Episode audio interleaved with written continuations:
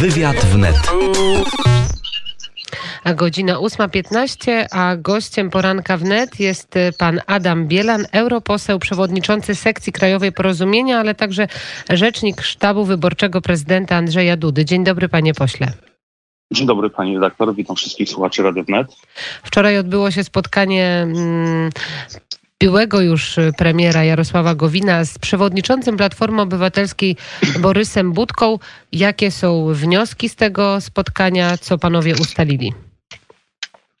No, wniosek jest jeden. Widzieliśmy to na konferencji prasowej pana Budki jeszcze przed spotkaniem z panem prezesem Gowinem. I to jest taki, bym powiedział, element mało elegancki m, tych negocjacji, bo jeżeli ktoś kogoś zaprasza na spotkania, a dwie godziny wcześniej robi konferencję prasową i oświadcza, że propozycje drugiej strony są absolutnie nie do zaakceptowania, no to zachowuje się, mówiąc delikatnie, bardzo mało elegancko.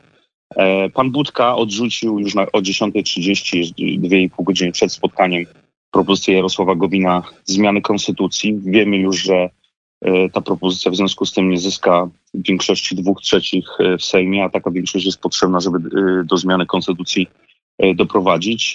No, w związku z tym wybory muszą się odbyć e, w e, terminie przewidzianym przez obecnie obowiązującą konstytucję. Przypomnę, że ponieważ kadencja e, pana prezydenta Andrzeja Dudy mija 6 sierpnia, a mm, konstytucja mówi, że wybory muszą się odbyć między setnym a 75 dniem przed zakończeniem tej kadencji, więc zgodnie z polskim prawem, zgodnie z polską konstytucją te wybory muszą się odbyć do 23 maja w przyszłym miesiącu.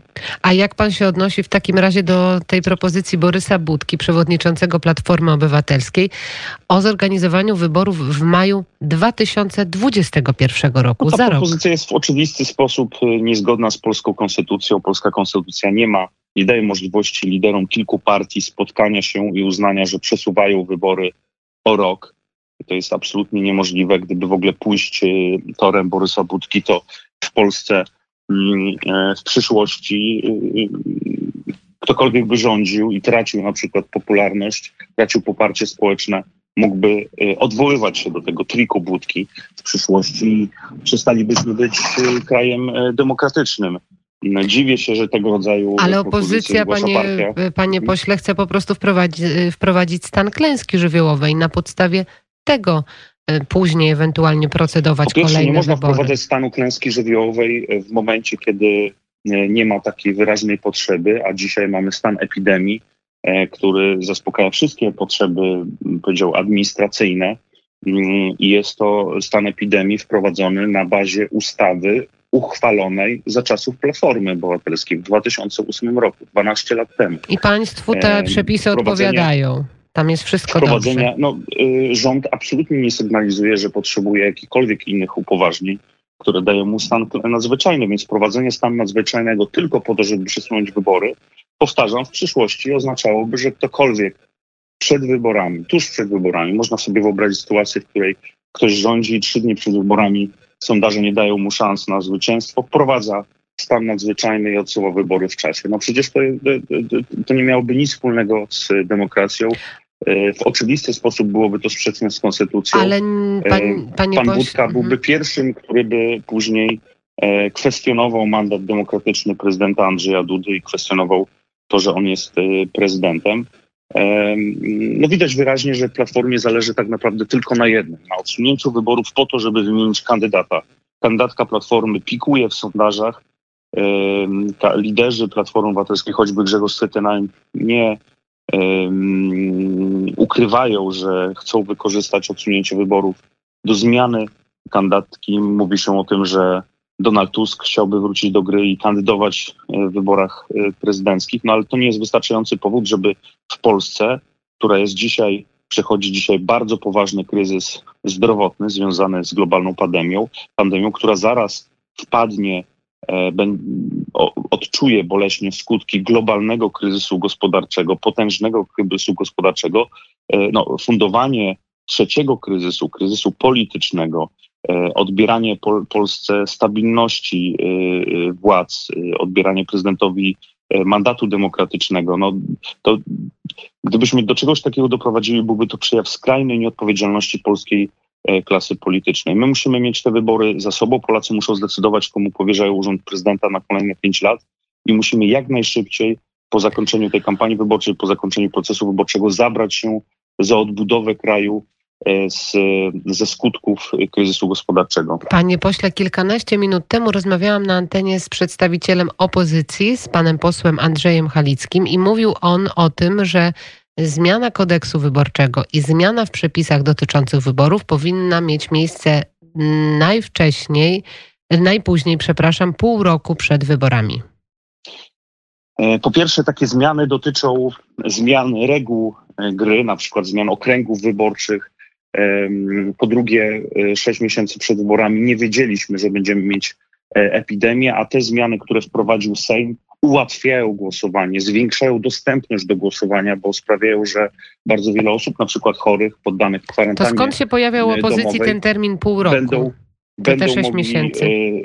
no, to, to jest, to wynika z orzeczenia Trybunału Konstytucyjnego z 2009 roku. Przy, przy, przypomnę, że to sama Platforma Obywatelska taki sześciomiesięczny termin złamała kiedyś, wydłużając z jednego do dwóch dni wybory europejskie właśnie w 2009 roku, więc słowa pana Andrzeja Halickiego są naprawdę szczytem hipokryzji. To jego ugrupowanie jako pierwsze taki termin złamało. I to właśnie po to, żeby zmienić reguły gry, bo wydłużenie głosowania do dwóch dni było taką zmianą reguł gry. My chcemy wprowadzić głosowanie, które dzisiaj jest bezpieczne, chociaż znamy kraj. Ale jest to złamanie tego klasyczne. wyroku Trybunału Konstytucyjnego. z Pani tego, co redaktor, pan ale w Bawarii 29 marca odbyła się druga tura wyborów e, samorządowych. Mówmy o Polsce, panie Przy- e, pośle. Przy czym pierwsza, przy czym pierwsza, no jeżeli pani pozwoli, to, to chciałbym odpowiadać na pani pytania w sposób, który uważam za właściwy. Proszę nie cenzurować tego, co mówię. Otóż w Bawarii 29 marca odbyła się druga tura wyborów samorządowych i prawo e, zmieniające sposób głosowania na czysto korespondencyjny wprowadzono kilka dni przed głosowaniem. Nie kilka, kilka tygodni przed, tak jak to się dzieje w Polsce, tylko kilka dni przed.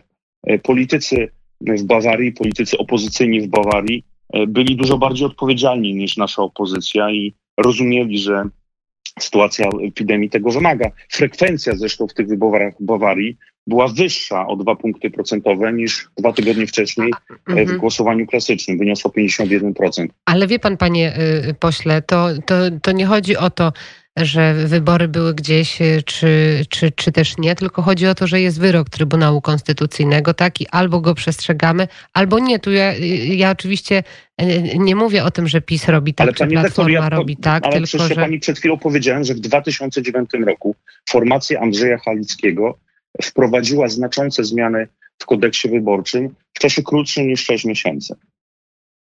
No ale to co w związku z tym? To państwo będą robić podobnie? Znaczy to chodzi o standardy, Pani, tak? O pani redaktor, jakoś. to w związku z tym, że w 2009 roku nie mieliśmy epidemii, a mimo to Platforma Obywatelska grzebała przy kodeksie wyborczym w czasie krótszym niż pół roku, a być może pani tego nie zauważyła, ale dzisiaj mamy czas globalnej pandemii e, i wprowadzenie głosowania korespondencyjnego ma sprawić, żeby te wybory były maksymalnie bezpiecznie dla wyborców. My tego głosowania No, korespondencyjnego rozumiem. nie wprowadzamy dla naszego widzimisię, tylko po to, żeby uchronić wyborców przed ewentualnym e, zainfekowaniem. Dobrze, panie pośle, a czy widział pan, czy zapoznał się pan z y, tym, co opublikowało Polskie Towarzystwo Epidemiologów i Lekarzy Chorób Zakaźnych? Dziennik Gazeta Prawna wczoraj opublikował takie informacje o Nie, nie wyborach w widziałem maju. tego, dlatego że... A da mi, pan, da mi pan tylko Proszę. wnioski, które płyną z tego stanowiska. W aktualnej sytuacji epidemiologicznej związanej z pandemią COVID-19 ustawa w przedstawionej formie nie zapewnia ochrony przed zakażeniem SARS zarówno członkom komisji, jak i osobom głosującym i istnieje ryzyko nasilenia rozprzestrzeniania się i że ta dezynfekcja pakietów wyborczych może być utrudniona lub wręcz niemożliwa. A jak się pan odniesie do tego stanowiska? Po pierwsze, będę się odnosić do stanowiska, jeżeli będzie oficjalnie opublikowane na stronie Senatu. Wczoraj wieczorem sprawdzałem na stronie Senatu, takiego stanowiska nie ma, więc mamy do czynienia z pewną grą e, przeciekami ze strony Mhm. marszałka Grodzkiego. Po drugie, m, e, ci eksperci nie znają procedury, nie zwracali się do ministra aktywów państwowych do Poczty Polskiej, żeby sprawdzić, jakie zabezpieczenia poczta przewidziała, a zapewniam panią, i to wynika choćby też z publicznych oświadczeń zarówno ministra Sasina, jak i prezesa Poczty, że te zabezpieczenia są bardzo dobre. No, panie redaktor, gdybyśmy przyjęli to, co mówią ci eksperci, to eksperci źle mówionych przez polityków Platformy Obywatelskiej, E, za mm, słuszne, to musielibyśmy dzisiaj zakazać działalności Poczty Polskiej. Musielibyśmy dzisiaj zakazać działalności firm kurierskich. Nie wiem, czy pani zdaje sobie sprawę, że dzisiaj firmy kurierskie notują rekordowe mm, obroty, porównywalne tylko i wyłącznie z czasem przedświątecznym. Czy ktokolwiek proponuje, żeby zakazać działalności firm kurierskich, czy ktokolwiek proponuje, żeby zakazać działalności Poczty Polskiej, która tygodniowo kolportuje miliony przesyłek, które nie są E, e, dzisiaj tak hermetycznie i sterylnie pakowane, jak będą pakowane e, pakiety wyborcze. No Czyli, czy już, czy już ja Państwo mają na, przepisy? Czy ja opieram się tak? przede wszystkim na um, opinii pana ministra Łukasza Szumowskiego, którego autorytetu chyba nikt nie kwestionuje w tej chwili w Polsce, no, który zapoznał oprócz się z tymi chyba dziennikarzy Newsweeka, którzy ostatnio na okładce No właśnie, który zapoznał się z tymi procedurami i powiedział, że tego rodzaju głosowanie jest głosowaniem bezpiecznym, natomiast głosowanie klasyczne nie będzie mogło się odbyć, takie głosowanie klasyczne mm, przy urnach nie będzie się mogło odbyć w Polsce zapewne przez najbliższe dwa lata. Panie pośle, to teraz powiedzmy, wywołał pan temat tych pakietów wyborczych. Czy państwo już mają procedury, czy to będzie w postaci rozporządzenia wydane, jak to wszystko będzie dostarczane do nas, do Polaków, jak to wszystko technicznie będzie wyglądało, bo ludzie się po prostu martwią, boją, nie wiedzą, to jest nowe, tak? Coś zupełnie nieznanego. Powtarzam, w Bawarii, na której się wzorujemy, te przepisy przyjęto w czasie znacznie krótszym niż w Polsce, w ciągu kilku dni.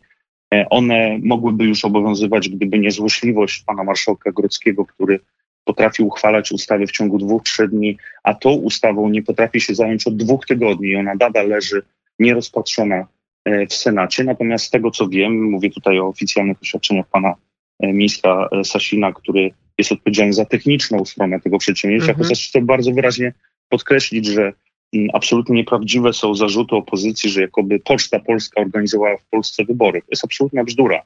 E, wybory, mm, sposób liczenia się nie zmienia głosów. E, głosy będą liczone, mm, te głosy będą weryfikowane przez członków komisji wyborczych, tak jak to się odbywało zawsze dotąd e, w naszym kraju. Poczta zajmuje się tylko i wyłącznie kwestią techniczną. Zawsze przy każdych wyborach ktoś musi wydrukować karty e, do głosowania. W tych wyborach dodatkowo ktoś musi te karty rozkolportować do wyborców i tym zajmie się e, Poczta Polska. I to jest e, koniec roli Poczty mm. Polskiej, czyli dystrybucja tych pakietów wyborczych, a później przewiezienie ich ze specjalnych no właśnie, i tutaj, i tutaj pewnie. do mhm. siedzib komisji wyborczych. To tutaj pewnie Towarzystwo Epidemiologów ma wątpliwości, bo chodzi właśnie o to przewiezienie, później o rozpakowanie, żeby to wszystko musiało się zapewne no odbywać Boga, w jakichś bardzo redaktor, no. sterylnych no, warunkach, tak? Ale Jeżeli... przecież, no ale, ale oczywiście, że będzie w sterylnych warunkach. Wystarczy, że po, po, pocztowcy będą mieli środki ochrony osobistej. Powtarzam, do, do, tego przecieku, polemizując z tym przeciekiem, z tą wrzutką polityków Platformy Obywatelskiej, E, no gdyby iść tym tokiem myślenia, to trzeba było dzisiaj zakazać dystrybucji jakichkolwiek listów w Polsce. Panie redaktor, my tygodniowo mamy kilka milionów listów dystrybuowanych e, w sposób, który e, nie będzie tak sterylny, nie będzie tak zabezpieczony jak E, jak dystrybucja tych pakietów wyborczych. Zostawiamy politykę krajową w tle. Rozmowa Donalda Trumpa z Andrzejem Dudą miała miejsce w miniony weekend. Kiedy polscy lekarze polecą do Stanów Zjednoczonych? Jak pan ocenia tę rozmowę? Nie znam szczegółów, nie wiem e, szczegółów wyjazdu polskich medyków. E, przypomnę, że to już jest kolejna misja z naszego kraju. Polscy lekarze byli już we Włoszech kilkanaście dni temu. E, I mm, te wizyty są, te misje mm, mają podwójne znaczenie. Z jednej strony są formą pomocy dla naszych e, partnerów, ale i co bardzo ważne, warte podkreślenia, są również sposobem na zdobycie bardzo ważnych doświadczeń e, w krajach, w których no, sytuacja epidemiczna jest znacznie gorsza niż w Polsce. Tak było w północnych Włoszech kilka tygodni temu, tak jest wciąż we Włoszech, tak jest dzisiaj e, w Stanach Zjednoczonych, więc my jadąc tam, czy nasi medycy, nasi wysłannicy mogą też obserwować, w jaki sposób służba zdrowia, system służby zdrowia w tych krajach sobie radzi z epidemią, jak uniknąć ich błędów, bo jeżeli obserwujemy statystyki, ja myślę, że każdy z nas dzisiaj zerka do internetu, żeby porównać statystyki, to widać wyraźnie, że Polska z tą epidemią radzi sobie znacznie lepiej jak dotąd niż kraje Europy Zachodniej czy Stany Zjednoczone. No ale oczywiście my musimy cały czas uczyć się na błędach innych po to, żeby w przyszłości ich uniknąć. Wiemy, że z tą pandemią być może będziemy musieli żyć przez wiele miesięcy i nawet jeżeli opanowali, opanujemy ostatecznie tą pierwszą falę koronawirusa, to nie możemy wykluczyć, że nastąpi jesienią bądź zimą druga fala, więc, więc, więc cieszę się, że taka wymiana doświadczeń e, nastąpi, a to jest też ważny gest w stosunku do naszych najbliższych sojuszników w ramach NATO, którzy dbają również o nasze bezpieczeństwo. Przypomnę, że właśnie w tej chwili odbywają się w Polsce największe od czasów zimnej wojny manewry z udziałem kilkunastu tysięcy żołnierzy amerykańskich, którzy chcą pokazać ewentualnym agresorom, którzy myśleli, bo na, na, na, napaść na nasz kraj, że, że Stany Zjednoczone będą Polski bronić, więc więc te relacje ze Stanami Zjednoczonymi są dla nas e, relacjami szczególnymi. Jak e, pan poseł ocenia decyzję Donalda Trumpa o wstrzymaniu pieniędzy dla Światowej Organizacji Zdrowia i y, ocenianiu jej jako chinocentrycznej? Światowa Organizacja Zdrowia, WHO, jest oskarżana od wielu tygodni nie tylko przez administrację prezydenta Trumpa, ale przez wiele innych państw o to, że dopuściła do licznych zaniedbań na początku tej epidemii. E, mówi się dzisiaj, że pierwsze przypadki zachorowań w Chinach mogły mieć miejsce już na przełomie października e, i listopada, a wiemy, że no, pierwsze pełne informacje mieliśmy tak naprawdę dopiero w styczniu E, te dwa, trzy miesiące opóźnienia były kluczowe w przygotowaniach poszczególnych e, e, państw i szczególnie te kraje, w których dzisiaj są odnotowane tysiące zgonów, tysiące śmierci, takie jak Stany Zjednoczone, jak Wielka Brytania, jak Hiszpania, jak, jak Włochy, no co zrozumiałe, dzisiaj starają się odpowiedzieć na pytanie, dlaczego WHO wcześniej o tym odpowiednio wcześniej nie informowała, więc no, jest to pewien spór również polityczny, nie ma co tego ukrywać. W Stanach Zjednoczonych również toczy się e, kampania wyborcza. Będziemy z uwagą śledzić e, rozwój wydarzeń. Na pewno po zakończeniu tej pandemii trzeba będzie bardzo szczegółowo wyjaśnić jej źródła, po to, żeby uniknąć e, tego rodzaju kryzysu w przyszłości. E, Donald Trump na pewno nie będzie czekał do końca pandemii, tylko już zaczyna wyjaśniać, dlaczego, ta, dlaczego tak, a nie inaczej się stało, ale też jeżeli rozmawiamy o Stanach Zjednoczonych, to wczoraj głos zabrała ambasador Stanów Zjednoczonych w Polsce odnośnie tego sporu, który był na linii faktów TVN i telewizji publicznej, że fakty TVN jest częścią rodziny Discovery, amerykańskiej firmy notowanej na giełdzie papierów wartościowych, która szanuje wolność słowa oraz niezależne i odpowiedzialne dziennikarstwo. Jak pan patrzy na te relacje TVN i TVP i y, to, co dzieje się w jednej telewizji i w drugiej? Nie chcę komentować start dziennikarzy. Każdy obserwator sceny politycznej wie doskonale, jakie są sympatie polityczne y, TVN-u. Jest to stacja bardzo blisko związana z Platformą Obywatelską, która przez 8 lat rządów Platformy Obywatelskiej była stacją niezwykle prorządową. Dzisiaj wściekle rząd atakuje w tych wyborach ma wręcz swojego kandydata, bo wystartował Szymon Hołownia wiele lat związany, przez wiele lat związany z tą stacją, więc ambicje polityczne lidery, e, e, menadżerów TVN-u są, są coraz większe i ich wpływ na scenę polityczną jest, jest coraz większy. Niektórzy nazywają TVN wręcz najsilniejszym ugrupowaniem opozycyjnym dzisiaj w Polsce. E, pani ambasador Mosbacher zna doskonale oczywiście rynek telewizyjny w Stanach Zjednoczonych, wie, że tego rodzaju stacje w Stanach istnieją. E, MSNBC, bardzo lewicowa stacja CNN, również e, skierowana w lewo Fox News, który jest bardziej prawicowy. E, no, prezydent Trump jest w pewnym sporze, mówiąc delikatnie, z tymi pierwszymi dwoma kanałami informacyjnymi i, regularnie mm, toczy wojny z, z tymi stacjami. Obserwatorzy w Stanach Zjednoczonych się już do tego przyzwyczaili. Ja nie widzę w sytuacji polskiej niczego innego od tego, co, co dzieje się w Stanach Zjednoczonych. I już na koniec pytanie. Dostałam taki list od Narodowego Forum Kresowego, żeby zapytać się przy okazji. Ten list był skierowany do Andrzeja Dudy, ale został bez odpowiedzi. Jak pan prezydent Andrzej Duda, oczywiście zapewne po skończeniu pandemii, będzie się angażował, jeżeli chodzi na przykład o powołania do życia Muzeum Kresowego, czy też Instytutów Kresowych, albo penalizacji zbrodni ukraińskich nacjonalistów. Jak pan się do tego odniesie? No, sprawa y, relacji historycznych z naszymi sąsiadami na Ukrainie jest znana od lat.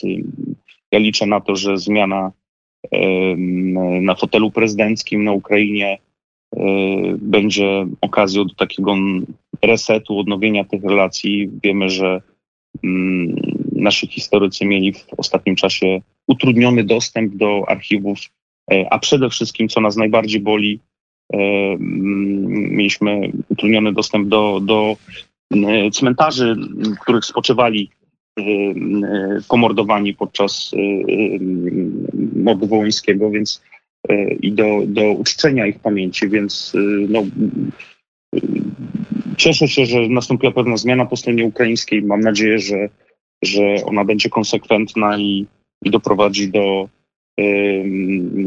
no, do oczyszczenia e, relacji z A każdym tak. sąsiadem. Każdym mhm. A takie muzeum kresowe, czy, y, czy istnieje szansa, żeby coś takiego mogło powstać? To ważna inicjatywa? E, myślę, że instytucji muzealnych w Polsce, wbrew takiej obiegowej opinii, że koncentrujemy się na przeszłości, jest i to wynika z choćby statyst ze statystyk, e, w Polsce jest wciąż zbyt mało i myślę, że każda tego rodzaju placówka, która upamiętnia kulturę kresową jest, jest ważna. Ja sam pochodzę z rodziny no właśnie, to dlatego to Narodowe Forum Kresowe tak bardzo cierpi i apeluje do, mhm. E, do polityków, żeby się no, trochę bardziej przyjrzeć Nie znam szczegółów tej akurat inicjatywy, ale generalnie uważam, że tego rodzaju placówki powinny istnieć i, e, i e, mhm. postaram się skontaktować z autorami tego listu. To ja, to ja, to ja jakoś Państwa tak skontaktuję.